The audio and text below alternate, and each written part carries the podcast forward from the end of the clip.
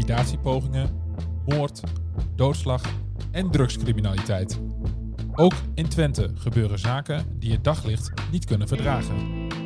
In de Tubantia Crime Podcast bespreek ik, Frank Bussink, samen met misdaadverslaggevers Erwin Waanders en Maarten Schoon de ontwikkelingen in de Twentse onderwereld.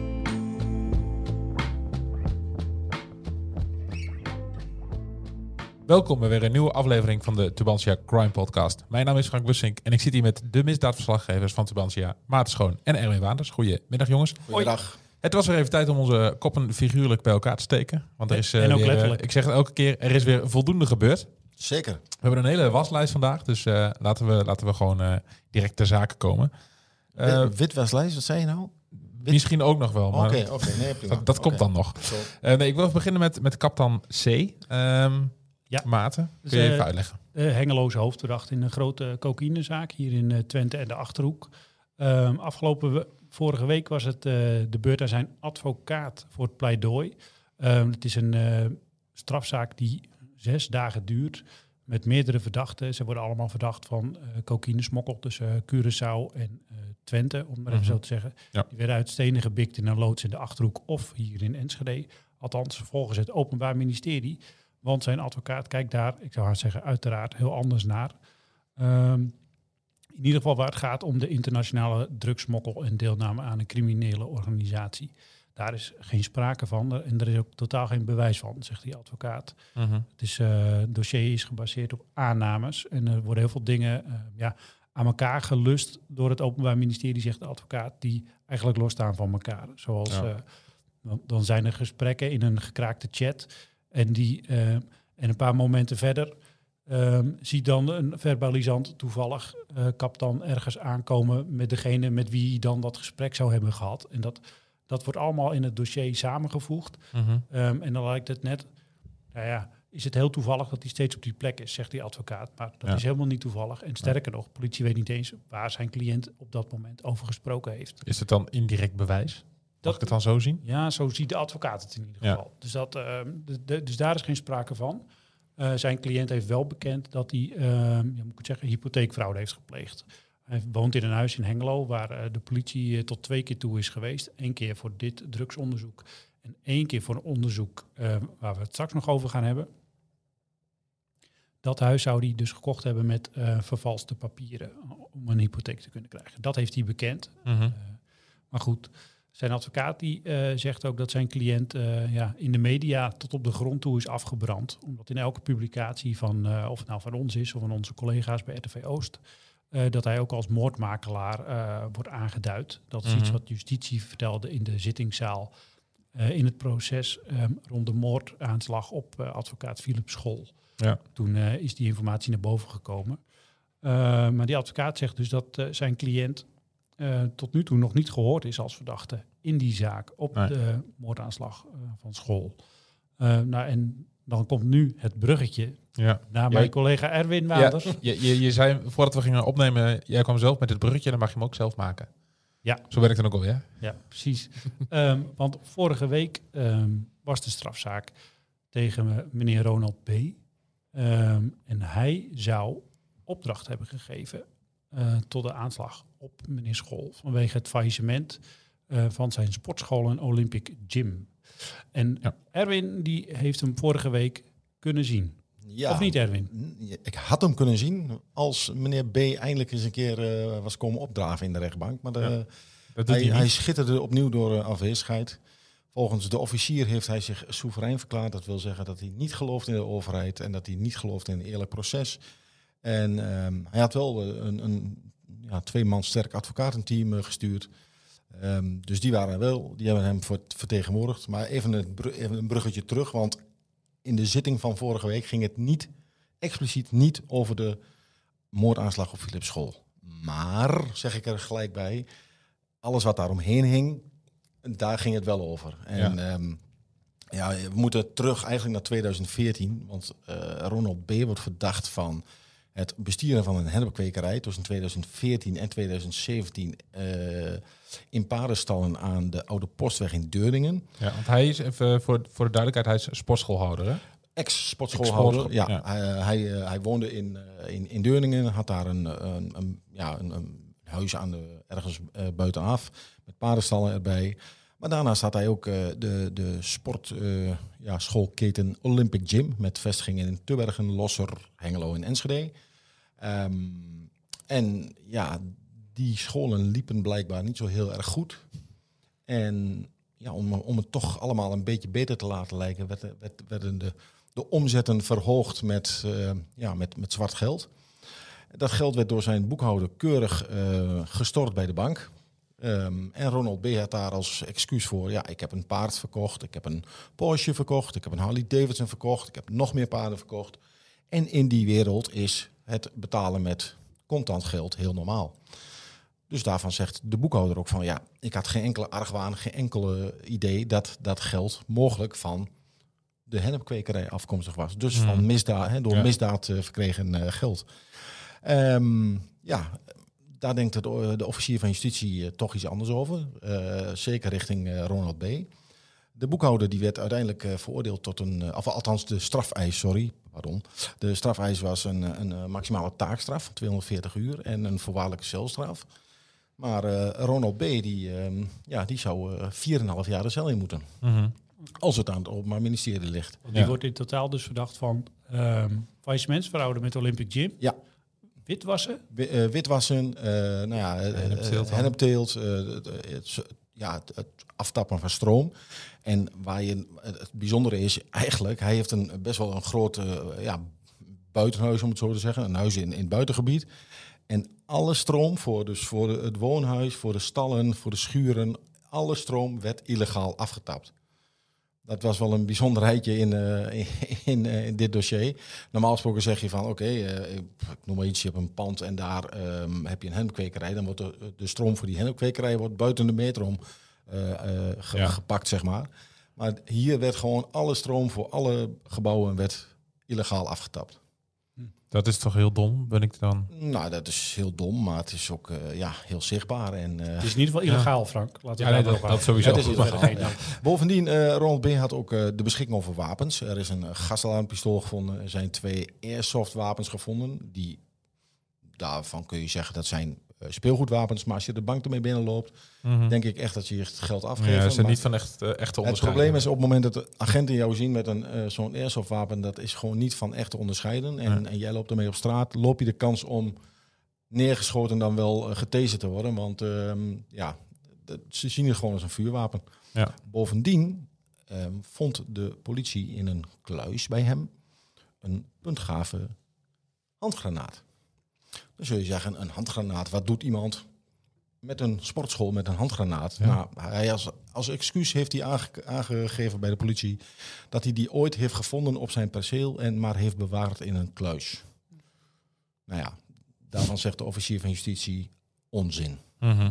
Maar goed, eh, we, we kunnen het hem zelf niet vragen. Eh, hij heeft eh, zelf ook verder geen antwoord willen geven, want hij was er niet. Nee. En wat zei de advocaat over die faillissementsfraude? Want dat is eigenlijk hoe het balletje richting eh advocaatschool hier in Enschede aan het rollen kwam. Want ik, nou ja, even voor de luisteraars. eh, Olympic Gym ging failliet. En als een bedrijf failliet gaat, dan komt er een advocaat. eh, die neemt het dan over. Dat, die heet dan een curator. Ja. En in dit geval was het Philip School die in de boeken van Olympic Gym dook. Om, te, om het faillissement af te wikkelen. Dat is nog Ja. steeds niet afgewikkeld. Is nog steeds niet afgewikkeld. Nee, klopt. En hij ontdekte dus faillissementsfraude spoor- en mogelijk ook witwas en heeft aangifte gedaan. En Ja. dat zou de aanleiding zijn geweest dat er een aanslag op zijn leven is gepleegd. Ja, kort, kort nadat ehm eh, Philip School eh, aangifte heeft gedaan tegen Ronald B., zelfs laten gijzelen door justitie. Ja, gij- En- gijzelen, dat, dan denk nou, ik... daar kijken we even naar Maarten. Die, die kan dat heel die goed zit meer thuis in die, in die, in die Ja, terminologie, ja, ja. hè? Ja, dat heeft niks met een eh, eh, ouderwetse gijzeling te maken zoals je die wel eens op televisie ziet. Of eh, van de leden van PLO of van Hamas. Nee, gijzelen in het faillissementsrecht, eh, dat mag. En dat mag, mag vrij ver gaan. Ehm, als je failliet bent gegaan en je, kunt, en je wilt niet zeggen... eh, ehm, ehm, bijvoorbeeld wat, waar je boekhouding is gebleven. Of wat er met je bedrijf is gebeurd. Je wilt eigenlijk tegen de curator niet zeggen wat er nou eigenlijk is gebeurd. Dan kan de curator vragen aan de rechtbank om jou te laten gijzelen. En dan ga je echt het huis van bewaring in. En dat kan 30 dagen duren, dat kan 90 dagen duren. Mhm. Het kan eigenlijk zo lang duren totdat je eh, nou ja, eindelijk vertelt waar de boekhouding is, bij wijze van spreken.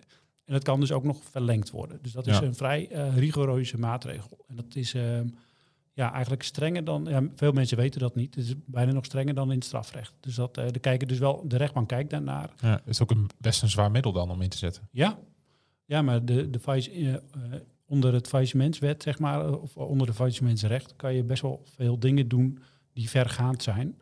waaronder dus dit. Dus staat, zo staat het ook gewoon in de wet. Als je failliet bent, dan ben je verplicht om eh, inlichtingen te verstrekken aan de curator. Mhm. En als dat niet zo is en hij vertrouwt het niet, kan hij aan de rechtbank vragen om je te laten gijzelen. Nou, dan kijkt de rechtbank ernaar en die kan dan bepalen dat je gegijzeld wordt. En Ja, dat is ja. dus hier gebeurd Ja, bij en- Ronald B. En om, om meteen even de spanning eraf te halen, hij heeft geen 30 dagen of 90 dagen vastgezeten. Alles bij elkaar, bij, voor alle verdenkingen, ehm, volgens mij maximaal, even uit mijn hoofd door, eh, vier dagen en nachten dat hij eh, allemaal bij elkaar heeft vastgezeten. Ja, dit is strafrechtelijk, maar gegijzeld kan niet langer zijn. Hè? Ja, dus dat staat er los van. Maar dat werd dus niet, dat werd niet eh, genoemd, zeg maar, qua eh, Ja. dagen dat hij eventueel eh Nee. nog gegijzeld heeft gezeten. Nee. En eh, de strafeis was dus, wat zei je, 4,5 jaar? 4,5 jaar. Ja. Ja, En wanneer is de uitspraak?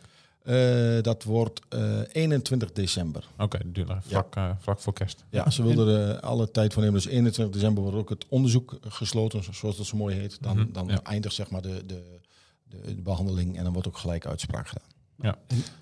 Is er nog wat gezegd over het onderzoek naar de aanslag op eh, school? Nee, want dat was eigenlijk wel bijzonder. Ehm, hè, voor ons hangt dat er natuurlijk continu omheen. Hè, en die, die dreiging daarom, maar eh, daar is helemaal niets om- over gezegd. Ik heb wel ehm, aan Maaike Goris, de advocaat van Ronald B., gevraagd of haar cliënt in dat onderzoek naar de aanslag op Philips School eh, als verdachte is aangemerkt. En zij wilde daar geen commentaar op geven. Ik heb het nagevraagd bij het Openbaar Ministerie en ook daar eh, blijft, eh, ja, blijft het antwoord, daar gaan we geen, geen mededeling over doen. Dus dat zal binnenkort of ja, binnen afzienbare tijd wel, wel duidelijk, Duidelijk worden. moeten worden. Ja. Ja, ja. Ehm, dan even door naar de zaak eh Wico van Leeuwen. Ehm, die Ja. nog steeds eh, ja, niet gevonden is. Nee, klopt. De man, eh, Ehm, de man uit Borculo, hè? ja. ja. Best een, best een, een, een naverhaal eigenlijk. Hè? Ik bedoel, eh, gewoon verdwenen en... Ja, nou misschien even voor de luisteraars om terug te gaan. in, ehm, sinds 17 mei 2022 eh, wordt Wico van Leeuwen uit Borculo vermist. Inmiddels weet de politie vrijwel zeker en zijn nabestaanden ook dat hij niet meer in leven is. Ehm, in, in die zaak is eh, op 27 februari van dit jaar een, eh, een- een man uit Borculo, een 28-jarige man uit Borculo, aangehouden. Die zit nog steeds vast. Hij wordt gezien als eh, hoofdverdachte van ja, de moord, dan wel doorslag op Wico van Leeuwen. En het wegmaken van het lichaam. Ehm, vorige week was er een, een proforma zitting. En in die zitting blijkt dat Mart B., want daar hebben we het over, dat die ehm, inmiddels is onderzocht door het Pieter Baan Centrum, of in het Pieter Baan Centrum. Ehm, dat rapport komt eind dit jaar, dus eind december, hooguit begin januari, eh, ja, tot de rechtbank en, en het OM. En dan eh, wordt er gekeken naar een, eh, naar een datum voor een inhoudelijke behandeling. Ja. Hij was, er, hij was er zelf niet bij. Zijn advocaat was erbij via een verbinding. Ze zat ergens onderweg in een file in de auto. Deed wel een verzoek tot schorsing, dan wel opheffing van de voorlopige hechtenis van Maat B. Maar daar was de rechtbank in Gelderland na wat verzet ook van de aanklager vrij snel uit. Ja. Dus als ik het allemaal zo een beetje hoor, dan krijgen we gewoon te maken met een moord slash doodslag zonder lijk. Zonder lijk. Ja, komt, en- niet, komt niet heel vaak voor, hè? Nee, en ik heb nog contact gehad met eh, een, een lid van eh, het, het team Grootschalige Opsporing, dat de moord, eh, dan wel de vermissing van eh Wico van Leeuwen onderzoekt. En, en hij, hij ja, benadrukte echt dat ze heel erg bezig zijn met het willen vinden van Wico. Ze willen die onzekerheid, die, die, die pijn, het verdriet bij de nabestaanden willen ze Mhm. eh, ja, eh, wegnemen kunnen ze het niet. Want eh, Nee. als ze hem vinden, dan weten ze eigenlijk zeker dat hij dood is. Maar eh, dat de familie weet wat er is gebeurd en, en waar zijn lichaam is. Zodat ze op een normale manier afscheid kunnen nemen. Ja. Ja. het is toch wel bijzonder dat ze een meneer verdenken van eh, de dood op Pico van Leeuwen of het wegmaken van het lijk. Maar ze weten niet waar het lijk is. Ze weten Nee. eigenlijk niet eens of hij dood is. Nee, formeel nog steeds niet. Ze, weten, ze vermoeden wel dat eh, die Mart B. dat hij dat samen met anderen zou hebben gedaan. Ehm, ja, de tenlastelegging is eigenlijk nu niet uitgesproken. Dus eh, ik weet niet of ik daar nu überhaupt iets over kan zeggen. Maar ehm, die is wel iets, iets uitgebreid weer eh, ten opzichte van de vorige keer. Ehm, dat zou duiden op bepaalde eh, sporenvondst door de Mhm. politie. Maar Ja. daar is verder nog niks over Nee. gezegd. Nee. En we moeten eigenlijk dus gewoon hopen dat een van de verdachten zijn mond opentrekt. Ja, Mark B. schijnt te hebben gezegd dat hij erbij is geweest op een moment dat Wico eh, om het leven is gebracht, maar dat hij niet weet wat, eh, wat er is gebeurd met het lichaam. Nee. Ehm, nou ja, er doen verschillende scenario's daaronder, eh, waar we volgens mij de luisteraars op dit moment niet hoeven te ehm, lastig te vallen, want het Nee. zijn niet de meest prettige scenario's. Nee, laat- laten we dat in ieder geval niet doen inderdaad. En eh, gewoon kijken wat er uit het onderzoek eh, nog naar voren komt. Ehm, dan wil ik even naar eh, de mensensmokkelaars. Maarten. Ja, ja dat was twee weken geleden ongeveer. Ja, anderhalf week geleden denk ik. Ja, Ja. want, toen rolde de Koninklijke Marechaussee een groot mensensmokkelnetwerk op. wat gevestigd was in Twente. Drie mannen uit Hengelo, twee uit Enschede. Mhm. Zij vormden de, de top van de organisatie. Zij zouden al jarenlang eh, ja, tot rond de 100 mensen hebben gesmokkeld vanuit Syrië naar Nederland. Dat ging via verschillende routes, zegt de marechaussee. Eh, onder andere via Turkije naar Griekenland en of via Dubai naar Nederland. En ehm, ja, dat zijn allemaal mannen van eh, tussen de, ik zeg het even uit mijn hoofd, tussen de 30 en de 40. Ehm, ze komen Huisvaders. ja, Ja. huisvaders. We hebben onderzoek gedaan. eh, want het Openbaar Ministerie, het landelijk pakket, die leidt het onderzoek. Die wilde daar verder niet zoveel over zeggen. Ehm, dus we hebben zelf onderzoek gedaan. Het zijn ja, veelal huisvaders, ondernemers hier gewoon in Twente. ehm, met Syrische achtergrond. Ehm, dus ze zitten wel ja, in, de, in de Syrische gemeenschap hier in eh, Enschede en Hengelo. Mhm. Ja, voor hun omgeving kwam het ook als een verrassing, want het zijn hele lieve mannen, quote. Ja. Uh, nou ja, dat kunnen het ook nog steeds gewoon zijn. Oh, nee, zeker. nou eentje had een eh, autosloperij in Hengelo, de andere had een eh, slijterij, ook in Hengelo. Ehm, dus ehm, nou ja, dat was al een grote vangst van Ja. de Koninklijke Marechaussee. Daar zaten ze al twee jaar achteraan. Het verhaal was begonnen in uh, Ootmarsum. Daar vonden ze een eh, vluchteling eh, ja, die eigenlijk vertelde hoe die hier in Nederland was gekomen. En eh, zodoende dat de Koninklijke Marechaussee dit onderzoek heeft opgepakt. Ze hebben de Twentse politie ook pas een paar dagen voor de grote inval ehm, ja, op de hoogte gesteld van... oh ja, we zijn al een paar jaar in jullie gebied eh, deze verdachte op het spoor. Ja. En, Wa- eh, waarom pas zo laat? Is het dan om het onderzoek zo klein mogelijk te houden? Dat zo min mogelijk mensen ervan af weten? Of? Ik, ja, daar ga ik vanuit. Ja. Dat, dat, dat, eh, ja, daar hebben ze niks over losgelaten, maar dat is wel het mee, dat is wel aannemelijk inderdaad. Mhm. Ehm, dus de, nou ja, de vijf zitten nu vast. Ze zitten in beperkingen, zoals dat heet. Dus ze mogen met niemand praten. Ook niet met hun eigen familie. Alleen met de advocaat, denk ik. hè? Ja, alleen met Ja. een advocaat. En die advocaat mag ook niet tegen de familie zeggen ehm, hoe het verder gaat. Dus dat behalve dan dat het goed gaat met Ja. papa die vastzit. Maar is, is bekend waar al die, ehm, die mensen die dan hier naartoe gesmokkeld zijn, waar die zijn gebleven? Ja, nou ja, die kwamen richting Nederland. Ik heb, nou, we hebben het gevraagd aan het Openbaar Ministerie. Ik deed- deed het samen met Arjan de Bocht. Die heeft eigenlijk het meeste gedaan. Ik heb wat uitzoekwerk op de achtergrond gedaan. En ehm, nou, het is niet zo dat al die gevluchte Syriërs naar Twente kwamen. Ze kwamen wel deze kant op. Ehm, en qua geld, ja, ehm, de bedragen liggen tussen de 15.000 en 25.000 euro per vluchteling. En het zou gaan om eh, rond de 100 vluchtelingen. Dus eh, een snelle rekensom is 2,5 miljoen euro in het eh, maximaal geval. En dan waarschijnlijk onder de noemer van de barmhartige Samaritaan van wij hebben een goed leven, hier komen jullie hier ook maar naartoe. Maar dat kost je wel eh 20, 25.000 euro. Ja, nou ja, goed. Dat, dat zou, ja, ja, maar het is natuurlijk een beetje een slaatje slaan met mensen die eh, ergens Ja, weg willen. ja. Want Syrië is natuurlijk al eh, een jaar of tien, eh, meer dan tien jaar in oorlog. En eh, ja, ja, zo moet je het zien. Eigenlijk eh, de mensen gewoon een soort van uit, ja, uitmelken. Zo Ja. zou je het kunnen zien. Ik heb geen idee. Ja, Nee. We hebben de verdachte niet gesproken. Ik ben Nee. heel erg benieuwd naar wat zij te vertellen hebben. We proberen ook hun kant van het verhaal eh, te horen. Maar het is, eh, ja, de deuren gaan dicht, zeg maar. De, de, de Syrische gemeenschap is ook niet een gemeenschap eh, waar ik eh, makkelijk naar binnen wandel, zeg maar. Dus Nee. ja, ik, ik zou echt graag hun verhaal horen van wat is er dan gebeurd volgens hun. Mhm. En waarom zouden ze dat gedaan dan hebben? Dus daar ben ik wel benieuwd naar. Dus Ja. dat, dat verhaal heeft zeker nog een kant wat ik graag wil belichten. Ja, nou, daar krijg je waarschijnlijk ook wel de tijd voor, toch? Ja. Gelukkig. Dan ehm, nog even terug naar de rechtbank. Sandro R. eh, die, die maakte een beetje stennis in de, in de rechtbank door stiekem te filmen. Ja, ja dat is... even, de ehm, zaak, even de zaak uitleggen misschien ook. Want dat, Ja, dat, eh, Sandro is een van de ehm, verdachten in een groot, eh, grootschalige hennepbende in Enschede. Samen met, met broers en, en, en familieleden en, en kennissen. Ehm, ja, er was, er was gewoon een, een proforma zitting, eigenlijk niks bijzonders. De, de verdachten zijn allemaal op vrije voeten. Pakken hun leven weer op en zijn gewoon in afwachting van de inhoudelijke behandeling van de strafzaak. Dus er stond eigenlijk ook helemaal niet zo heel veel op het spel. En ehm, nou ja, er zijn in totaal acht of negen verdachten.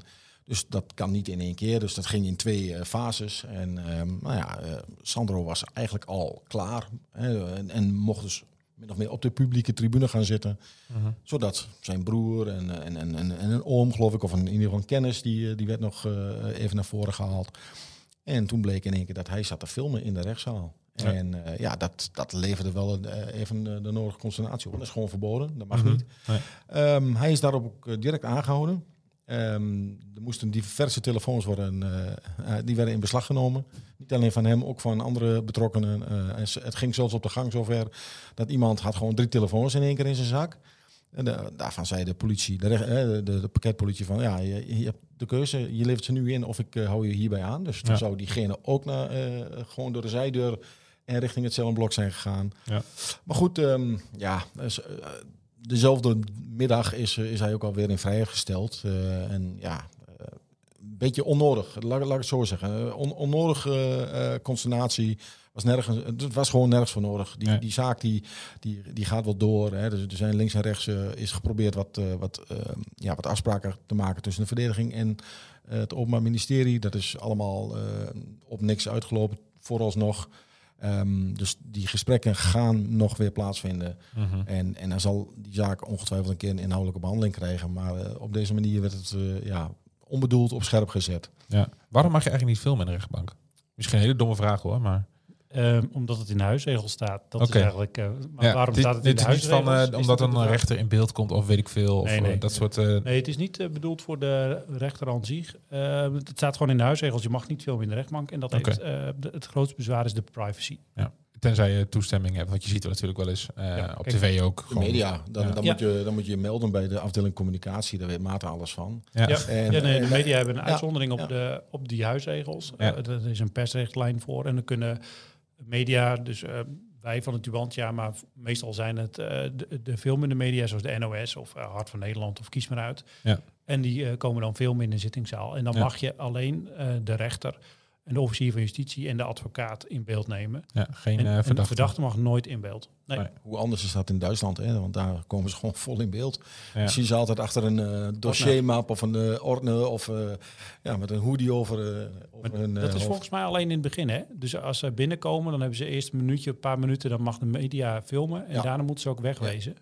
En ik weet, nou, in Nederland blijven die camera's mogen dan het hele proces blijven staan. Mhm. Maar die mogen niet de hele tijd aanstaan. Dus eh, wat je vaak ziet, ik, eh, bijvoorbeeld het uh, 8 uur signaal en RTL zal het ook zijn. ehm, dan zie je soms ook al die ondervraging tussen de rechter en de verdachte. En dan zie je Ja. die verdachte niet in beeld, maar dan hoor je wel zijn stem, soms zo vorm, soms niet. Ja. En Dat, nou ja, dat geeft wel wat meer inkijk in hoe zo'n proces dan gaat. Ja, ja. Dus dat, eh, goed.